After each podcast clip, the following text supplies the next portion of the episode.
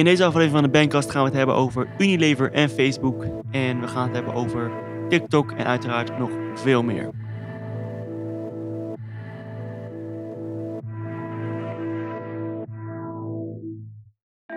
Unilever wil dat Facebook, Twitter en Instagram zich onder toezicht laten stellen van een onafhankelijke partij die bekijkt of ze voldoende doen tegen hate speech en misinformatie. Unilever noemt dit als voorwaarde om weer te gaan adverteren op social media. Iets waarmee het in de VS is gestopt, voor tenminste een half jaar. In een interview met FD zegt CMO Connie Braams dat transparantie de belangrijkste voorwaarde is voor Unilever. Hebben dergelijke adverteerders zoveel invloed op social media platformen? Hoe kijk jij hier tegenaan? Nou, dat is een uh, hele interessante vraag. En ik denk wel dat ze heel veel invloed hebben. Um, zoals je al aangeeft, het, uh, het, betreft een, uh, een, een, actie gericht op de Verenigde Staten. Niet, niet zozeer op Nederland, maar echt alleen op Amerika. Ik denk dat zij wel, dat ze wel een vuist kunnen maken. Als je ziet het niet alleen Unilever, ze bundelen de krachten. Coca-Cola, Starbucks, grote, grote bedrijven. Uh, die ook veel adverteren. Um, dus zijn belangrijk voor Facebook. En ik denk dat ze wel een vuist kunnen maken. En of dat ja, je kan voor of tegen zijn. Je kan, daar kan je over van mening over verschillen. Um, maar we, ja, we zullen het zien. Het is voorlopig voor zes maanden. Um, Philips heeft aangekondigd dat ze zich aansluiten. Uh, maar voor één maand. Dus dat is ook wel opvallend. Dus de, ik, ben, ik ben reuze benieuwd hoe dat verder gaat, gaat ontwikkelen. Facebook gaat in dialoog. Tenminste, dat is wat, wat, wat nu, ze zeggen. Wat ze zeggen, ja. Wat nu naar voren komt, maar dat geloof ik ook wel. Maar ik denk dat naast de dialoog die Facebook zoekt, dus ook echt wel de problemen serieus neemt. En Facebook die, uh, die beroept zich op het feit dat zij voor 90% ook ja, eigenlijk al alles doen wat in de mogelijkheden ligt. Alleen de grote adverteerders willen daar, ja, die willen meer, die willen verstrekkend volledig en sneller. En Facebook zal daar adequaat moeten handelen die zijn in gesprek, maar zij voeren daarnaast gaan ze ook strategisch verder. Hè? Ze komen straks met een, ook met een video, muziek, video platform. Dus die gaan wel door. Die laten zich denk ik niet helemaal door die grote adverteerders aan banden leggen. Ja, nou, Unilever uh, die, die, uh, die uh, vertelt dat ze wereldwijd 2 miljard mensen dagelijks producten kopen. Alleen ja, dat is wel wereldwijd. En hoeveel van, van die klanten zitten in Amerika en hoe reageert die consument erop? Men beroept zich op het feit dat consumenten over het algemeen positief reageren op dit besluit van de adverteerders. Maar algemeen positief is, betekent dat er ook negatieve reacties komen. Dus er zullen ook een aantal klanten zijn in Amerika die juist dan misschien de, de, de, producten van, van Unilever even boycotten. Of uh, Facebook kan er, of concurrentie kan er heel handig op inspelen door op, op Facebook nu te gaan adverteren en die ruimte die, die er nu ontstaat in te vullen. Waardoor ze eigenlijk hun eigen positie kunnen versterken. Nou, hoe dat zich gaat ontwikkelen, dat, dat, dat durf ik ook niet te zeggen. Daar ken ik de, de details niet van. Het was een opeenstapeling van gebeurtenissen die Unilever tot de boycott bracht, zegt Braams tegen het FD. Van Black Lives Matter en het racisme dat opspeelt tot de polarisatie van Trump en de misinformatie op social media waar tegen te weinig wordt opgetreden. Ik citeer Braams. Wereldwijd gebruiken 2 miljard mensen dagelijks onze producten. Onze schaal zetten we in voor verbetering.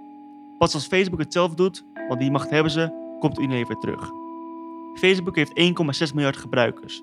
Een groot deel van deze gebruikers plaatst dagelijks een update.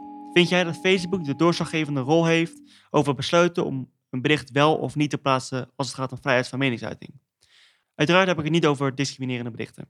Nou ja, goed, dat is altijd het probleem. Je hebt altijd het recht van uh, meningsuiting. En uh, dat, die, die, die staan heel hoog in, in het vaandel bij heel veel mensen.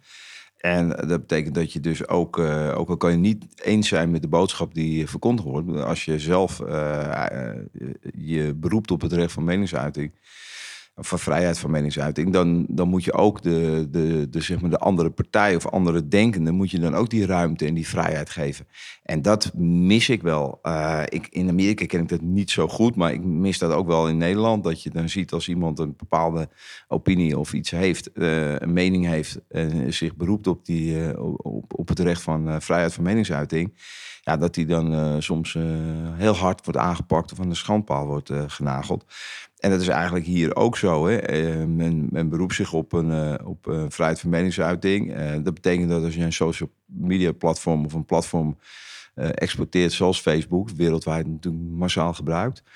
dat je dan, eh, en, en daar wordt heel erg goed naar gekeken, maar dat je dan, ja, dan, dan is dat logisch dat als daar 100 berichten per seconde worden geplaatst, als het niet duizend zijn, dat er ook wel berichten tussen staan waar, ja, waar niet de grote menigte zich mee kan vereenzelvigen. Nou, en er zijn een aantal restricties voor. Er zijn een aantal restricties voor adverteerders en ook een aantal restricties voor Facebook-gebruikers. En ook wel Facebook is ook wel bekend dat sommige Facebook-gebruikers na enkele waarschuwingen worden, worden geschorst. Of een maand het gebruik van Facebook wordt ontzegd. Ja, en dat, dat, dan, gaat ook wel eens wat door. Er slipt ook wel eens wat eh, tussen de maas eh, door. En ehm, ja, als Facebook zich beroept op het feit dat zij... Kijk, ze hebben natuurlijk niet, ze hebben niet een kleur mee. Ze hebben natuurlijk in het verleden hebben ze natuurlijk... hebben, daar hebben ze ook een excuus voor aangeboden. Hebben ze natuurlijk ook wel een aantal dingen beïnvloed. datalekken, noem maar op. Ja, en dat pleit niet voor ze. Maar daar, uh, daarentegen moet je ze natuurlijk wel uh, de gelegenheid geven. En ik vind dan een boycott voor zes maanden. Ja, ik vind. vind ik vind, ja, nou, men, het, de, uh, volgens, volgens Unilever is het ook niet alleen moreel. De, ik denk dat ook wel marketing, een heel groot marketinggedreven keuze is. Um, uh, politiek correct. Uh, men verwacht dat 80% van de inwoners in Amerika het uh, mee eens is. Want die willen, die willen dat debat. Die willen, die willen zeggingschap. Ehm, zeker nu, hè, met alles wat daar gebeurt. Dus ja, ik denk dat ze daar op mee willen liften. Die merken ook zoiets hebben van... nou, laten we daar snel op meeliften. Want anders gaat, het, gaat de meerderheid tegen ons keren. We kunnen beter met de meerderheid meegaan en met de flow meegaan. Je kan je afvragen of het aan een adverteerder is uh, om uh, zijn positie uit te spelen en eigenlijk op die manier een standpunt in te nemen en eigenlijk zijn of haar uh, gedachtegoed te, te, verspreiden. Dat is minimaal net zo goed of slecht als, als degene dat je iemand iets verwijt. En dat is wel, dat is wel kwalijk. Dat zie je nu wel, dat, dat ook, ook in Nederland, dat je op kleinere schaal, ja, mensen, grote bedrijven die adverteren, ja, wie, wie betaalt, bepaalt. En, en dat is, vind ik wel een zorgelijke ontwikkeling. Want dat zou impliceren dat je op een gegeven moment dat grote adverteerders alles controleren. En in handen, eigenlijk in de handen. En die kunnen je maken en breken als, als platform. En dat houdt ook weer de creativiteit van andere platformen tegen. Of houdt ook weer de ontwikkeling van andere platformen tegen. Dus als, als op een gegeven moment een adverteerder gaat bepalen van wat je wel en niet mag, mag doen. En, en hoe je bepaalde um, technische vernieuwingen moet wel of niet moet doorvoeren. Of berichten wel of niet moet, moet uh, verwijderen. Ja, dat is wel kwalijk. Dat, dat in, in algemene zin is dat kwalijk.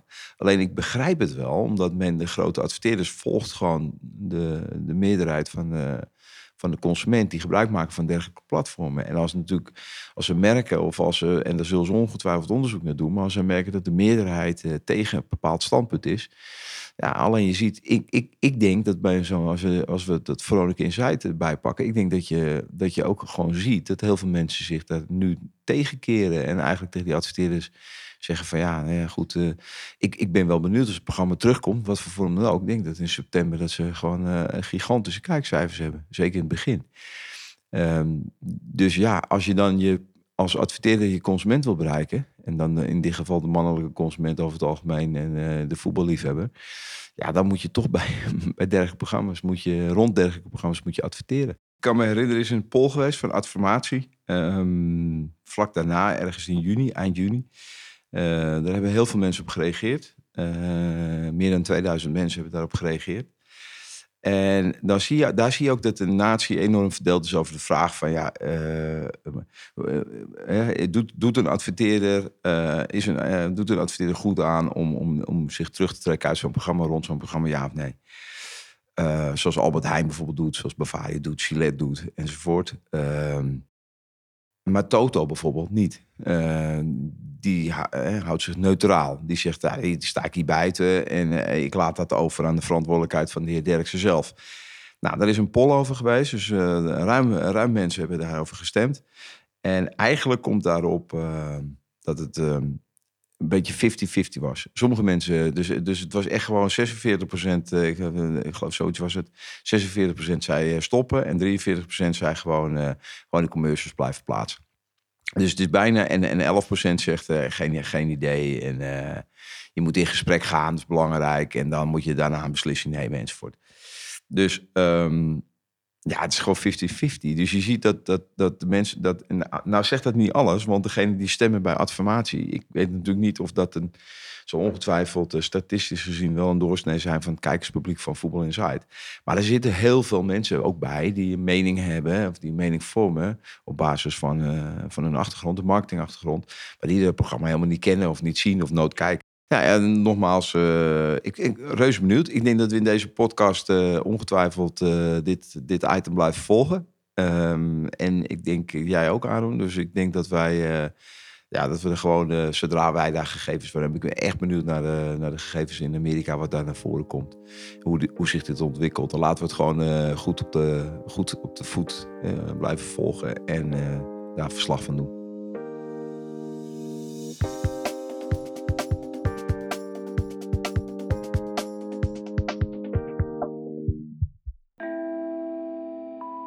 TikTok is een app van techbedrijf ByteDance. En ook de eerste Chinese social media app die in de westerse wereld erg succesvol is. Maar net als bij Facebook en Instagram horen we de laatste dagen en weken steeds meer over de privacy en veiligheidsrisico's van de app. Er zijn erg veel negatieve geluiden. Er wordt zelfs in de VS nagedacht over een boycott. Ben je bekend met het platform TikTok? Wat vind je van de, de Chinese overheid die meekijkt? Nou, kijk, ik, ik vind de app geweldig, terwijl het niet nieuw is. Want het is een, het is een bestaand, uh, het is uh, oude wijn in nieuwe zakken. Uh, maar goed, kijk, het, heeft alles te maken met de Chinese regering. Kijk, die, de Chinese regering heeft in China heeft men natuurlijk veel meer invloed op technologiebedrijven dan hier in het Westen. Zeker hier in Europa. Maar zelfs ook in Amerika, al, heeft Amerika ook best wel veel invloed. En uh, ja, die Chinese regering en die invloed op die, van die Chinese regering op, die, uh, op dergelijke technologische bedrijven, ja, dat, dat is wel bedreigend. Daar zijn wel voorbeelden van te vinden dat, dat, dat, dat men het gebruikt, dat men data gebruikt, dat men het gebruikt als spyware, noem maar op. Um, daar, zijn dat, daar zijn ze niet erg transparant in. Maar je ziet wel dat een bedrijf als ByteDance, die, die deze app eigenlijk populair heeft gemaakt, zich wel steeds meer aan het verwesteren is. Dus men opent kantoren in, in Europa, in Amerika. Men, men, doet er eigenlijk alles aan om zo, zo transparant mogelijk te worden binnen de Chinese maatstaven. En daar ligt eigenlijk daar ligt de crux van, van het probleem. Ik uh, kom al 30 jaar in Azië. En Azië, dat is, met name China, is natuurlijk heel erg gesloten. Je, je kan nooit zeggen wat, wat, wat nou precies de bedoeling van een Chinees bedrijf is. Al werk je nog zo lang met ze samen, ze hebben altijd een eigen agenda. Um, en, en ja, dat is, en dat is in dit geval uh, zal dat ongetwijfeld ook zijn. En vooral met die datavergaring. Ja, met Facebook zijn we daar met z'n allen over gevallen. Maar ja, TikTok lijkt op een veel grotere schaal uh, data te vergaren. En, en de Chinese overheid daar uh, inzicht in te geven. En dat is uh, volgens bepaalde partijen zelfs zo erg dat TikTok is ontwikkeld als spyware voor, voor de Chinese overheid. En daar kunnen ze ook niet een, een, een, een goed antwoord op geven. Ze kunnen het ook nog, nog niet weerleggen. Er is een nieuwe veiligheidswet aangenomen in Hongkong. En ja, en dan, dan kunnen we, ja, dan kan, uh, kunnen ze wel, kan ByteDance wel met, met droge ogen beweren dat ze absoluut geen uh, datagegevens delen met de Chinese overheid. Maar als je die veiligheidswet leest, dan, uh, of je daarin verdiept, dan, dan hebben ze gewoon een verplichting om dat te delen. En weet wat je zegt, die, die, die, dus, dat is uitgelekt over die, dat ze ook je klembord kopiëren. Ja, dat is natuurlijk wel zorgelijk. Ik zie eigenlijk steeds meer TikTok. Het is waanzinnig gegroeid. Ik weet niet exact de, de cijfers uh, op dit moment in Nederland, maar volgens mij hebben ze bijna 3 drie, of 4 miljoen uh, gebruikers. En dat was uh, een jaar geleden was dat er 300.000. Dus dat, is, dat gaat veel harder dan, dan gepland. Ik kan me herinneren dat ik in, in maart voor de corona eigenlijk, of zo rond de corona, zou ik eigenlijk een gastcollege geven bij Eurocollege. En daar had ik ook deze gegevens in verwerkt. En volgens mij zat het toen op, op 1,2 miljoen gebruikers. En eh, we zitten nu al bijna op 4 miljoen gebruikers. Dus dat gaat, in, dat gaat waanzinnig uh, snel. Bij TikTok draait alles om creativiteit. En je ziet dat deze verandering invloed heeft op andere social media platformen. Wat is jouw kijk op de content die er gemaakt wordt op TikTok? Wat TikTok wel bewerkstelligt, is dat wij op een andere manier um, uh, content kunnen maken, moeten maken. En uh, het aller, aller, allerbelangrijkste is, want het maakt eigenlijk niet uit of je TikTok gebruikt of Facebook, maar als je content uh, maakt, uh, is creativiteit en, en authentiek zijn het geheim om succesvol te zijn binnen elk platform. Dus je moet gewoon authentiek zijn, je moet creatief zijn. Wil je succesvol kunnen zijn op een, op een social media platform? En TikTok, dat, dat hebben ze wel goed gedaan. Het zijn toch muziekvideo's of, of, of, of video's, maar met name muziekvideo's, daar komt het ook vandaan. Uh, waar mensen wat, uh, wat dingetjes doen. Er worden challenge gemaakt. Uh, ja, het is gewoon populair. Het is laagdrempelig. Men, men, beweert dat, men, ehm, dat het is voor iedereen te gebruiken is voor iedereen vanaf 13 jaar. Maar er is een hele grote groep onder de 13 jaar die het gebruikt. tot, tot 30 jaar. Het trekt heel langzaam een beetje omhoog. Maar de, ook in Nederland zie je dat, dat. Vooral bij de jeugd. Dus zeg maar even tussen de, laten we zeggen, tussen de, de 10 en 30 jaar wordt het ontzettend veel gebruikt. En dat is natuurlijk een interessante doelgroep. Kinderen zijn moeilijk te bereiken en kinderen kan je eigenlijk alleen bereiken via hun ouders. Uh, dat moet je ook vaak doen, omdat ouders degene zijn die de producten kopen. Maar uh, als jij kinderen natuurlijk uh, via TikTok, oh, als je tienjarige tot, tot 16-jarige goed kan bereiken, als dat je doelgroep is en je kan die goed bereiken via TikTok, dan hoef je niet rechtstreeks met je producten, maar gewoon puur branding ja, dan, dan is dat natuurlijk een waanzinnig groot platform. En zeker als je ziet dat, dat er nu al drie of vier miljoen gebruikers zijn. Een grappig voorbeeld is dat ledverlichting door TikTok in prijs is gestegen. De verlichting is namelijk aanzienlijk duurder geworden. Ook in China zelf. En dat allemaal door simpele TikTok-video's. Veel van deze influencers hebben namelijk hun kamer verlicht met roze of blauwe ledverlichting. De vraag is daardoor enorm gestegen, met als gevolg dat de prijs van één ledstrip ook omhoog is gegaan. Ja, dat, dat is precies wat ik bedoel.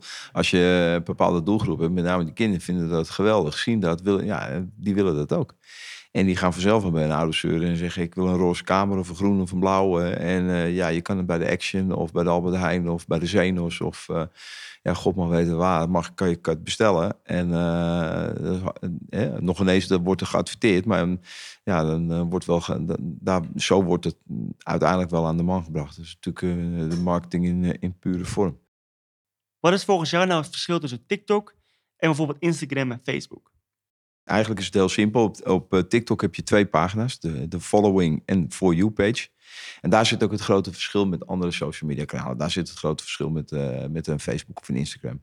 Je komt namelijk niet, uh, niet binnen op een pagina waar, de content, waar je content van mensen ziet of volgt, maar je komt op de for you page. Nou, die, die pagina bestaat uit diverse content waarvan TikTok denkt dat je die leuk vindt. En dat bepalen ze natuurlijk op basis van je kijkgedrag en, en hoe lang jij bepaalde filmpjes kijkt in het verleden.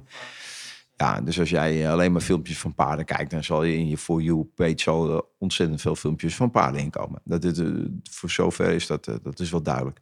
Ehm, maar omdat je een For You pagina, dat dat veel belangrijker is, is het dus ook niet zo belangrijk om, om bepaalde groepen te volgen. Dat hoeft niet, want dat doet TikTok voor je.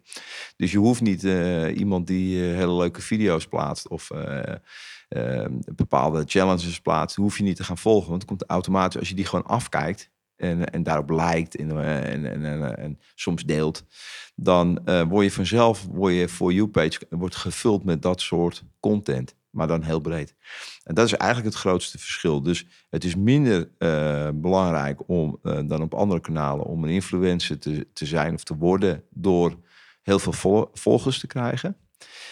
het is belangrijker om creatieve en authentieke content te maken. Dat is veel belangrijker, want daarmee, eh, als je dat doet, eh, dan bereik je vanzelf eh, een bepaalde doelgroep. En dan bouw je een doelgroep op. Want dan komen al jouw filmpjes of al jouw content wat je spreidt, komt in een bepaalde For You page terecht. Van een potentiële klant of een potentiële iemand die, die dat leuk vindt. En dat is eigenlijk het grootste verschil. Wat valt jou op als je kijkt naar de grote mate van creativiteit en ontwikkeling van trends door het maken van TikTok-video's? En hoe verhoudt het zich tot andere social media platformen? Vanuit de marketingkant zie je dat het dus die creativiteit heel belangrijk wordt. En wat nog belangrijker wordt, is snelheid.